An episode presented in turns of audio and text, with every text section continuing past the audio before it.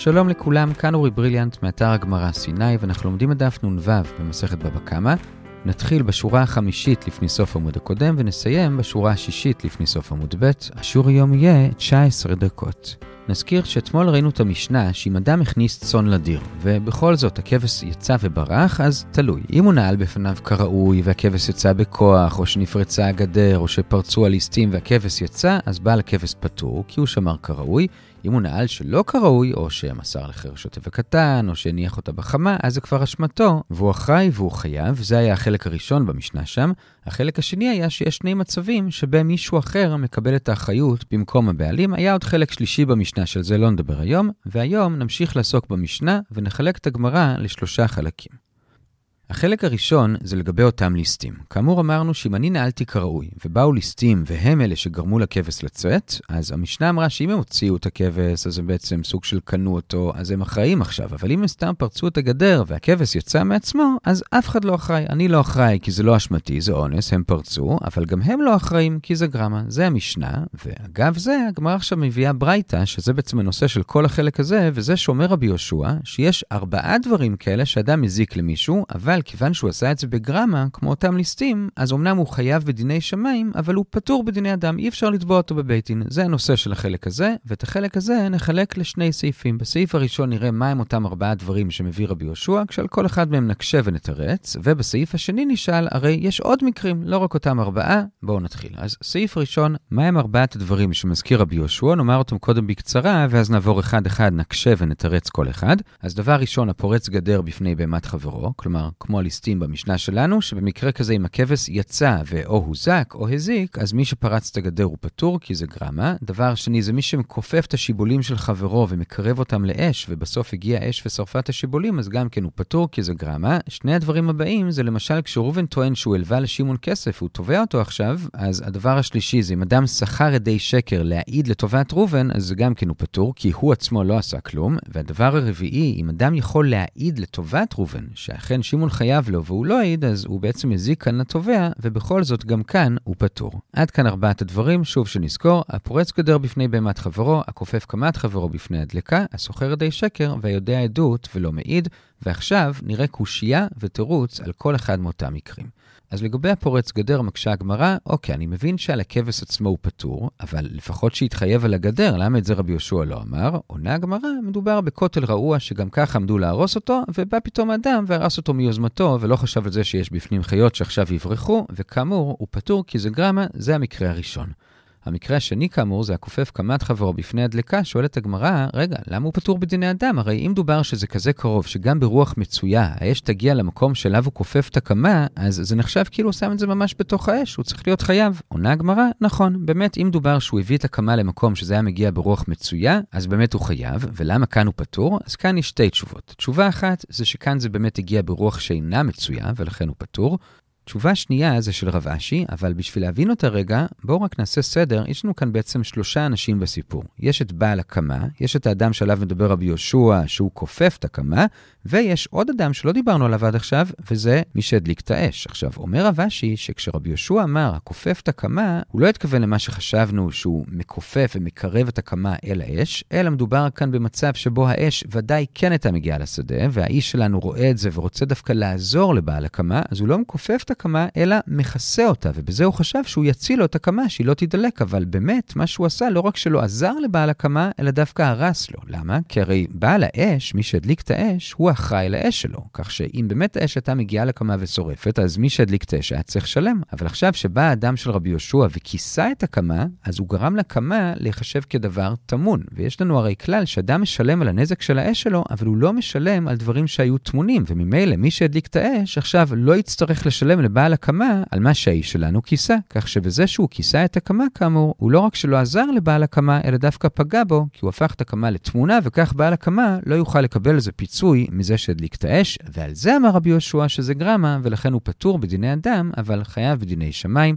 וזה לגבי המקרה השני של הכופף את הקמה, ראינו שני הסברים למה הוא פטור, או כי מדובר ברוח שאינה מצויה, או כי מדובר שהוא רק כיסה את הקמה, וזה ממש גרמה. שני המקרים הבאים, כאמור, זה לגבי תובע ונתבע. המקרה השלישי זה שאדם סוחר די שקר להעיד לטובת תובע, שואלת הגמרא, רגע, אם הוא עצמו התובע והוא סוחר די שקר להעיד לטובתו, הרי זה ממש גניבה, ודאי שהוא חייב גם בדיני אדם. עונה הגמרא, לא, זה לא הוא התובע, הוא סוחר עדים בשביל מישהו אחר, ולא הוא מרוויח מזה, וזה גם לא הוא עשה משהו, זה העדים עשו, זה לא קשור אליו, הוא רק שילם להם, ולכן הוא פטור, זה המקרה השלישי. המקרה הרביעי זה שהוא יודע שבאמת שמעון חייב לראובן כסף, והוא לא בא להעיד לטובת ראובן, ובגלל זה ראובן הפסיד בתביעה, וכאמור גם כאן הוא פטור בדיני אדם וחייב בדיני שמיים, והפעם השאלה של הגמרא זה פשיטא, כלומר, ודאי שהוא חייב בדיני שמיים, כי הרי זה איסור תורה מפורש. כתוב, אם לא יגיד ונשא עוונו, זה אומר שמי שיודע עדות ולא מעיד, הוא עובר על איסור לאו, ומסתבר שממילא הוא גם חייב בדיני שמיים. זו השאלה למקרה הרביעי, ועל זה עונה הגמרא, כאן זה לא פשיטא, כי איסור התורה זה דווקא כשיש שני עדים שלא מעידים, כי הרי רק עדות של שני עדים יכולה לעזור לתובע, אז אם הם יכולים לעזור ולא עוזרים, זה האיסור. כאן לעומת זאת מדובר בעד אחד, ועד אחד ממילא לא כזה עוזר לתובע, ובכל זאת מחדש רבי יהושע שגם אם עד אחד לא העיד, גם הוא חייב בדיני שמיים. עכשיו, למה באמת? הרי גם אם היה מעיד זה לא היה עוזר. מסבירה הגמרא שאם הוא היה מעיד לטובת התובע, אז אמנם זה לא היה עושה שהנתבע מיד היה צריך לשלם, אבל זה כן היה עושה שהוא היה צריך להישבע, מה שנקרא שבועת עד אחד, ויכול להיות שהוא לא היה רוצה להישבע לשקר, ומשלם. כך שבאמת גם אם העד אחד הזה היה מעיד, אולי זה כן היה עוזר לתובע. ולכן, כיוון שהוא לא העיד, אז הוא חייב בדיני שמיים. ועד כאן ארבעת המקרים של רבי יהושע, של פטור בדיני אדם וחייב בדיני שמיים, וזה היה הסעיף הראשון. ראינו את המקרים, את הקושיות על כל מקרה והתירוצים. הסעיף השני זה ברבע העליון של עמוד א', וכאן שואלת הגמרא, ותו ליקה, מה, אין עוד מקרים של פטור בדיני אדם וחייב בדיני שמיים? הרי יש עוד מלא, והגמרא מביאה כאן עוד חמש דוגמאות של מקרים כאלה. אז למה רבי יהושע אמר שיש רק ארבעה? עכשיו, לפני שנראה את העוד דוגמאות, בואו קודם נראה את התשובה של הגמרא, בשביל זה נדלג לאמצע עמוד א', וכאן עונה הגמרא, אתה צודק, באמת אפשר לחשוב על עוד מלא מקרים כאלה. אז למה רבי יהושע הביא דווקא את הארבעה האלה? כי בארבעה האלה יש חידוש, שהיינו חושבים שאולי בהם, אפילו בדיני שמיים הוא פטור, בכל זאת, בדיני שמיים הוא כן חייב. למה היינו חושבים שאולי גם בדיני שמיים הוא פטור? אז בואו נעבור מקרה-מקרה. לגבי הפורץ כותל, היינו חושבים שאולי הוא פטור לגמרי אפילו בדיני שמיים, כי כמו שאמרנו, מדובר בכותל רעוע שממילא היה צריך להרוס. אז הוא אפילו חשב שהוא עושה טובה, הוא מוריד את הכותל, שלא ייפול פתאום על איזה ילד, ובכל זאת מחדש רבי יהושע שהוא חייב בדיני שמיים, כי הכבש ברח, זה מקרה ראשון. המקרה השני, הכופף קמה, אז כאמור ראינו שני הסברים למקרה הזה, ובכל אחד מהם יש חידוש. הסבר אחד זה שמדובר שבסוף הגיעה רוח שאינה מצויה, אז היינו חושבים שאולי אפילו בדיני שמיים הוא פטור, כי אדם לא אמור לצפות לרוח שאינה מצויה, כי הרי היא אינה מצויה, ולפי ההסבר השני, שהוא כיסה את התבואה, ובזה הוא גרם לתבואה להיחשב טמון, ועל ידי זה הוא פגע בבעל התבואה, גם כאן היינו חושבים שאולי הוא פטור גם בדיני שמיים, כי הוא מבחינתו אפילו רצה לעזור, להציל את התבואה, אז שיהיה פטור, כמה שבלן שבדיני שמיים הוא חייב, אלה שני הסברים להכופף את הקמה. המקרה השלישי זה הסוחר די שקר להעיד את טובת התובע. כאן היינו חושבים שאולי הוא פטור, כי הוא יכול לומר, נכון, שכרתי אותם, אבל הם אנשים עצמאיים, הם יהיו צריכים לדעת שזה דבר רע להעיד עדות שקר, ולא להקשיב לי, הרי יש לנו כלל, דברי הרב ודברי התלמיד, דברי מישומים, הם יהיו צריכים להקשיב לרב, כלומר, לקדוש ברוך הוא, ובכלל לא חשבתי שיקשיבו לי, לכן אולי פטור לגמרי, כמה שמלן שהוא לא יכול להתמם עד כדי כך, ובדיני שמיים הוא חייב. ומקרה רביעי, היודע עדות, גם כאן היינו חושבים שהוא פטור לגמרי, כי כאמור, הרי הוא רק עד אחד, הוא יכול לומר, מה זה היה עוזר שהייתי מעיד? הרי גם אם הייתי מחייב אותו שבועה, אולי הוא היה נשבע לשקר, ואז רק הייתי מזיק עוד יותר שהוא גם נשבע לשקר, לכן לא העדתי. כמה שבלן שבכל זאת הוא כן היה צריך להעיד, וכאמור, בדיני שמיים הוא חייב עד כאן החידוש בכל אחד מהמקרים שהביא רבי יהושע, ולכן הוא הביא דווקא את המקרים האלו, אבל כאמור, יש עוד מקרים. מה הם העוד מקרים? אז בשביל זה בואו נחזור חזרה על הרבע העליון. כאן הגמרא מביאה חמישה מקרים, ונראה אותם לא בדיוק לפי הסדר, אלא נחלק אותם לשלוש קבוצות. קבוצה ראשונה זה שני מקרים של היזק שאינו ניכר. מקרה אחד זה מי שעושה מלאכה במי חטאת או בפרת חטאת, כלומר המים עם האפר פרה אדומה, או בפרת חטאת, כלומר בפרה אדומה עצמה, אז בזה הוא פוסל אותם, אבל כיוון שזה היזק שאינו ניכר, כי זה רק נזק רוחני, הלכתי, זה לא נזק פיזי, אז הוא פטור בדיני אדם. ומקרה שני של היזק שאינו ניכר, זה מי שמבעיט את חברו, מבהיל אותו, ועל ידי זה גורם לו נזק, גם כאן זה היזק שאינו ניכר, והוא פטור בדיני אדם. זו הקבוצה הראשונה, היזק שאינו ניכר. הקבוצה השנייה של הדוגמאות זה שני מקרים של גרמה, וזה א', מי שנותן סם המוות בפני בהמת חברו והבהמה באה ואכלה מרצונה, אז זה גרמה והוא פטור, ומקרה נוסף של גרמה זה מי שנותן איזה לפיד אש ביד חירש שוטה וקטן והם הלכו ושרפו משהו, גם כן, מבחינתו זה רק גרמה והוא פטור, זו הקבוצה השנייה. הקבוצה השלישית זה בעצם מקרה אחד, המקרה החמישי זה מי שנשברה כדו ברשות הרבים והוא לא סילק אותה, וראינו בדף כ"ט עמוד א' שאביי הסביר שמדובר שהכד נשבר והוא פשוט הפקיר את זה והשאיר את זה שם ברחוב, ואחרי כמה זמן בא מישהו ונתקל וניזוק מזה, שרבי מאיר אומר שהוא כן חייב, אבל רבנן, שזה בעצם רבי יהודה, הוא אומר שהוא פטור, כי מי שמפקיר נזקיו הוא פטור, וגם כאן אומר שהוא פטור בדיני אדם, אבל חייב בדיני שמיים. אז אלה חמש הדוגמאות הנוספות שהגמרא שאלה שיש עוד מקרים של פטור בדיני אדם וחייב בדיני שמיים, וכאמור, בסוף הגמרא ענתה, נכון, יש עוד מלא דוגמאות, אלא שרבי יהושע הביא ארבע דוגמאות שבהם יש איזשהו חידוש, ועד כאן הסעיף השני לגבי השאלה האם אין עוד מקרים, כן, יש עוד מקרים. ובזה הגענו לרבע התחתון של עמוד א', ועד כאן החלק הראשון של השיעור עם רבי יהושע של ארבעה דברים של פטור בדיני אדם וחיה בדיני שמיים. החלק השני, כאמור ברבע התחתון של עמוד א', זה לגבי אמירה של רבא, אבל לפני שנראה אותה, שתי הקדמות. הקדמה אחת זה שיש מחלוקת בכמה מקומות לגבי מצב של תחילתו בפשיעה וסופו באונס. כלומר, אדם שבהתחלה פשע בשמירה, אבל בסוף מה שקרה לא היה קשור לפשיעה שלו, אלא זה קרה באונס, ויש מחלוקת האם הוא חייב, כי בהתחלה הוא פשע, או שפטור, כי הרי בסוף זה היה אונס. זו הקדמה אחת. הקדמה שנייה זה שבואו ניזכר בשני קטעים מהמשנה. המשנה אמרה שאם הוא נעל כראוי, ואז בכל בכל זאת הכבש יצא, אז תלוי. אם הכבש יצא כי נפרצה הגדר, אז אני פטור, כי זה אונס, מה יכולתי לעשות? אבל אם הכבשה יצאה כי הנחתי אותה בחמה, והכבשה השתגעה והייתה חייבת לצאת, וכך היא הצליחה בסוף לפרוץ את הגדר או לטפס מעל או משהו, אז אני חייב, כי זה פשיעה. זה שני הקטעים במשנה. שוב, נפרצה בלילה פטור, כי זה אונס, הניחה בחמה חייב, כי זה פשיעה. זה התזכורת מהמשנה. עכשיו, בואו נראה סוף סוף מה אומר רבא. אומר רבא על המשנה, והוא שחתרה. כלומר, מדובר כאן בכבש שהצליח לחפור מתחת לחומה ולהפיל אותו, וכך לצאת, כלומר, ממש מקרה של אונס, זה המקרה שבו המשנה פותרת. זה מה שאומר רבא, ועכשיו צריך להבין על מה בעצם רבא דיבר, לאיזה קטע הוא התייחס. וכאן הגמרא מביאה שתי אפשרויות, או האפשרות של נפרצה בלילה, או האפשרות של הניחה בחמה. אז אפשרות ראשונה זה שרבי התייחס למקרה של נפרצה בלילה, שהמשנה אמרה שפטור כי זה אונס, ועל זה בא רבא ואמר, והוא שחתרה, שזה דווקא אם היא חתרה. עכשיו, שואלת הגמרא, למה זה דווקא אם היא חתרה? הרי אם מדובר בכותל בריא שלא אמור ליפול, ובכל זאת הוא נפל, אז זה אונס, ואני פטור גם אם הבהמה לא חתרה, אלא הכותל נפל מעצמו. אז למה רבא אמר והוא שחתרה? אלא כנראה שרבא מבין שמדובר כאן בכותל רעוע, שסביר שהיה נופל מעצמו, ובכל זאת משום מה המשנה פטרה אותי, ולכן בא רבא ומסביר למה המשנה פטרה אותי, כי בסוף מה שקרה זה שהכותל לא נפל מעצמו, אלא הבהמה חתרה והיא הפילה, ולכן כיוון שבסוף קרה אונס, לכן אני פטור. זו הבנה ראשונה ברבא, רבא בעצם בא להסביר את המשנה שנפרצה בלילה, שהמשנה פטרה, זה לא המקרה הרגיל של כותל בריא שנפל, שאז ודאי שאני פטור כי זה אונס, אלא המשנה חידשה יותר מזה שגם אם פשעתי ושמתי אותה בכותל רעוע, אם בסוף מה שקרה זה אונס, כי הבהמה חתרה והפילה, אז גם כאן אני פטור. ולמה אני פטור? כי לפי ההבנה הזאת, רבא מבין שתחילתו בפשיעה וסופו באונס פטור. כלומר, תחילתו בפשיעה זה ששמתי בכותל רעוע, אבל סופו באונס, שבסוף הבהמה חתרה ויצאה, אז אני פטור. תחילתו בפשיעה וסופו באונס פטור. עד כאן ההבנה הראשונה ברבא. עכשיו, ההבנה הזאת מעולה, אבל היא מעולה רק למי שסובר באמת שתחילתו פשיעה סופו באונס פטור, אבל הרי כאמור זה מחלוקת. אז איך נסביר את רבא לפי מי שסובר תחילתו בפשיעה סופו באונס חייב? אז זה מביא אותנו להבנה השנייה. וזה שרבא, כשהוא אמר שחתרה, הוא בכלל לא התייחס לקטע הזה של הגמרא, של נפרצה בלילה, אלא לקטע הבא של הניחה בחמה, שכאמור המשנה אמרה שחייב, כי כשהנחתי אותה בחמה פשעתי ובעצם גרמתי לה לנסות לצאת, ולזה התייחס רבא, ושימו לב, לפי ההבנה הזאת הוא לא אמר והוא שחתרה, כלומר, זה לא דווקא כשחתרה, אלא מה שהוא אמר זה, אפילו חתרה, גם אז אני חייב. כלומר, מה שרבא אמר בעצם, שאם הנחתי אותה בחמה ובזה פשעתי, אז אפילו אם בסוף מה שקרה זה אונס שהיא חתרה, גם אז אני חייב, ואז באמת זה מסתדר למאן דאמר, תחילתו בפשיעה, סופו באונס חייב, כי זה בעצם מה שקרה כאן. אני פשעתי בזה ששמתי אותה בחמה, בסוף מה שקרה זה אונס, בכל זאת אני חייב. זו ההבנה השנייה, והגמרא מעירה כאן שהאמת היא שזה מסתדר לא רק למאן דאמר תחילתו פשיעה, סופו באונס חייב, אלא גם למאן דאמר פטור. למה? כי בעצם כמו שהסברנו מההתחלה, כשהנחתי אותה בחמה, אז הפשיעה שלי בזה שהנחתי אותה בחמה, גרמה לזה שהיא מנסה לצאת בכל דרך, או לדחוף, או לחתור, אז זה שהיא בסוף חתרה ויצאה, אי אפשר לקרוא לזה אונס, כי אני בעצם דחפתי אותה לזה בזה ששמתי אותה בחמה, אז הכל בעצם חלק מהפשיעה שלי, ולכן אני חייב, אפילו למי שאומר שבאופן כללי תחילתו בפשיעה וסופו באונס פטור, כאן הוא יודע שחייב, כי הכל בעצם כאמור חלק מהפשיעה שלי, ועד כאן ההבנה השנייה ברבה למה הוא התכוון, והוא שחתרה, הוא התכוון להנחתי בחמה, והוא התכוון אפילו חתרה, אני חייב, ועד כאן החלק השני של השיעור.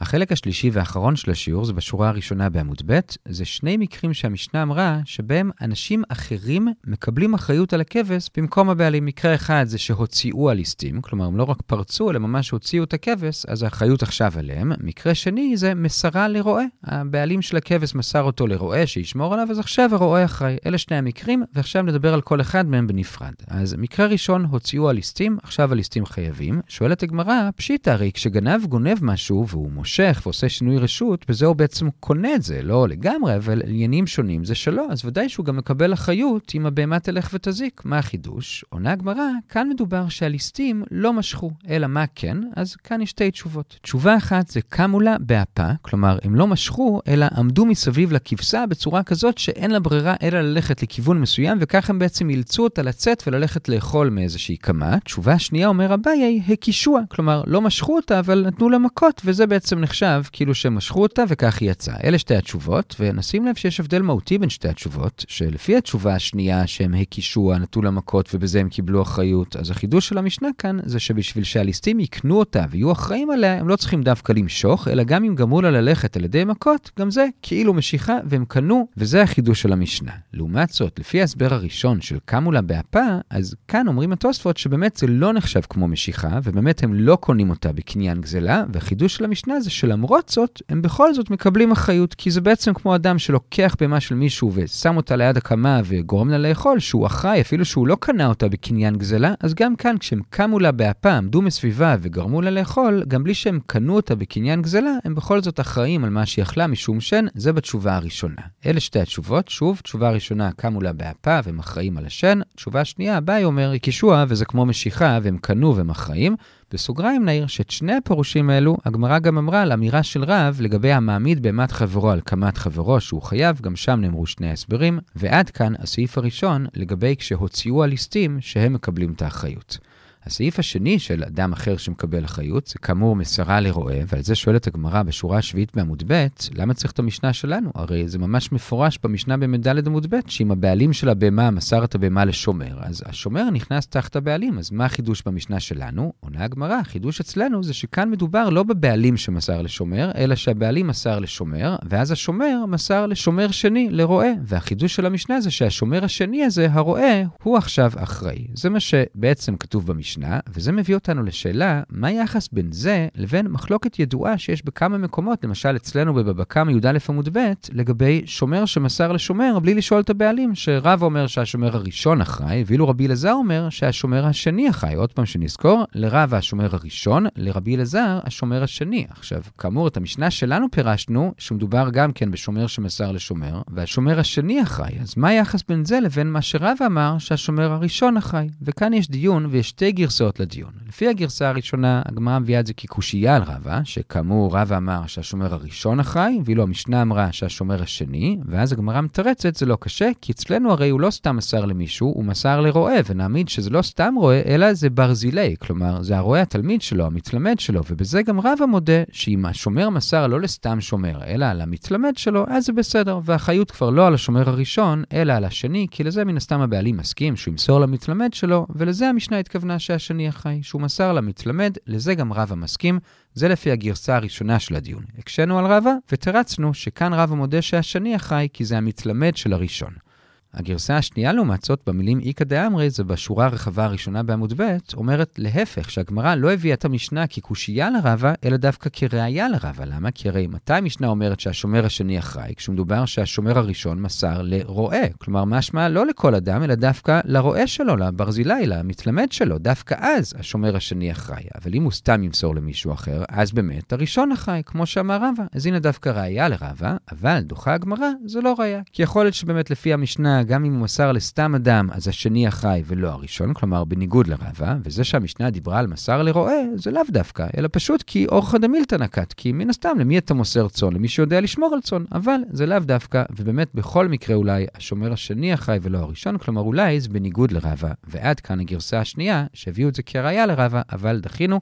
ועד כאן הסעיף השני בחלק השלישי לגבי מסרה לרועה, וזה היה החלק השלישי של השיעור, ובזה הגענו לשש שורות לפני סוף עמוד ב', נעצור כאן ונחזור על מה שראינו.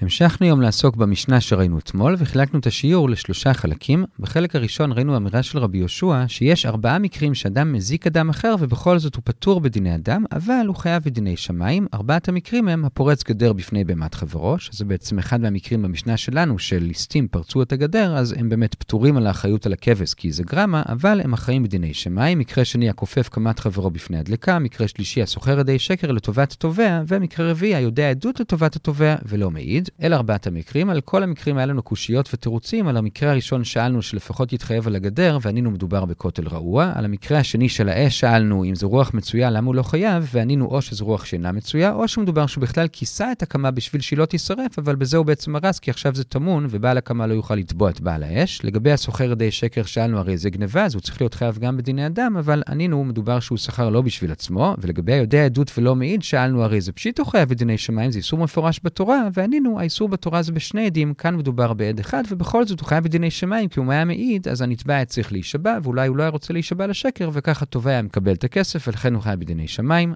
עד כאן ארבעת המקרים של רבי יהושע.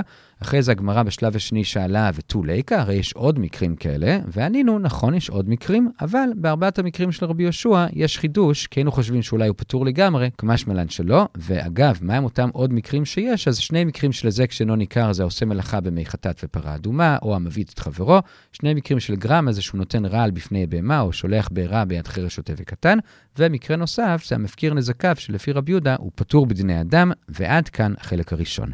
בחלק השני בא רבא ואמר, והוא שחתרה, ויש לנו שתי הבנות על מה הוא מדבר. הבנה אחת זה שאם הוא נעל כראוי, ואז נפרצה בלילה, שהמשנה אמרה שפטור כי זה אונס, על זה אמר רבא, והוא שחתרה, והסברנו, אם דובר בכותל בריא, אז גם בלי שחתרה זה אונס והוא פטור. אלא מה שרבא חידש זה שגם כשמדובר בכותל רעוע, כך שבעל הצאן בעצם פשע, אם בסוף מה שקרה זה אונס, כי היא חתרה החוצה, אז הוא פטור כי תחילתו בפשיעה וסופו באונס, פטור. זו הבנה ראשונה. הבנה שנייה אומרת לא נכון, תחילתו בפשיעה וסופו באונס חייב, אלא למה רבא התייחס? הוא התייחס להמשך של המשנה שכתוב, הניחה בחמה חייב, ועל זה הוא אמר שאפילו אם בסוף היא חתרה, כלומר ממש אונס, בכל זאת הוא חייב, וזה אגב נכון, לא רק למאן דאמר תחילתו סופו באונס חייב, אלא גם למאן דאמר פטור, כי כאן זה לא נחשב שבסוף היה אונס, אלא הכל זה חלק מהפשיעה שהוא שם אותה בחמה, ולכן היא ניסתה לצאת בכל דרך שהיא, ועד כאן החלק השני.